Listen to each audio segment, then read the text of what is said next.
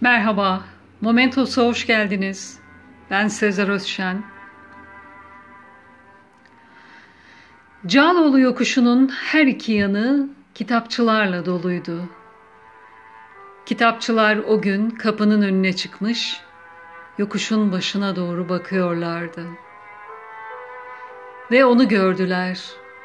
Omuzlarda taşınıyordu.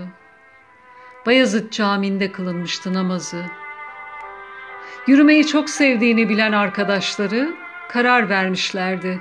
Namazdan sonra Cağaloğlu yokuşundan aşağı doğru son kez birlikte yürüyecek.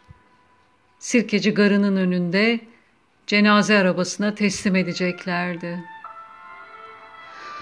O gün Orhan Veli'nin naaşı Cağaloğlu yokuşunda hangi kitapçının önünden geçiyorsa o kitapçı saygıdan dükkanının kepenklerini kapatıyordu. O sırada askerliğini İstanbul'da yapmakta olan bir Anadolu çocuğu bu görüntü karşısında sorar.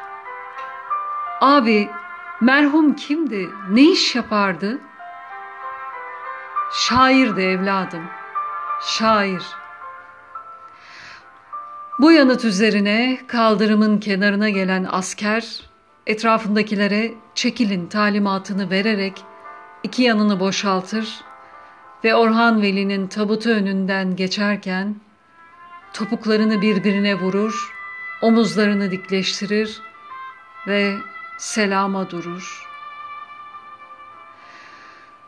Böyle uğurlanır kitap ve mürekkep kokulu Cağaloğlu'ndan bir garip Orhan Veli.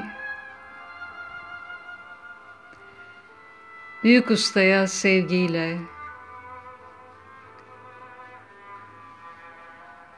Dinlediğiniz için teşekkürler. Hoşçakalın. Momentos'ta kalın.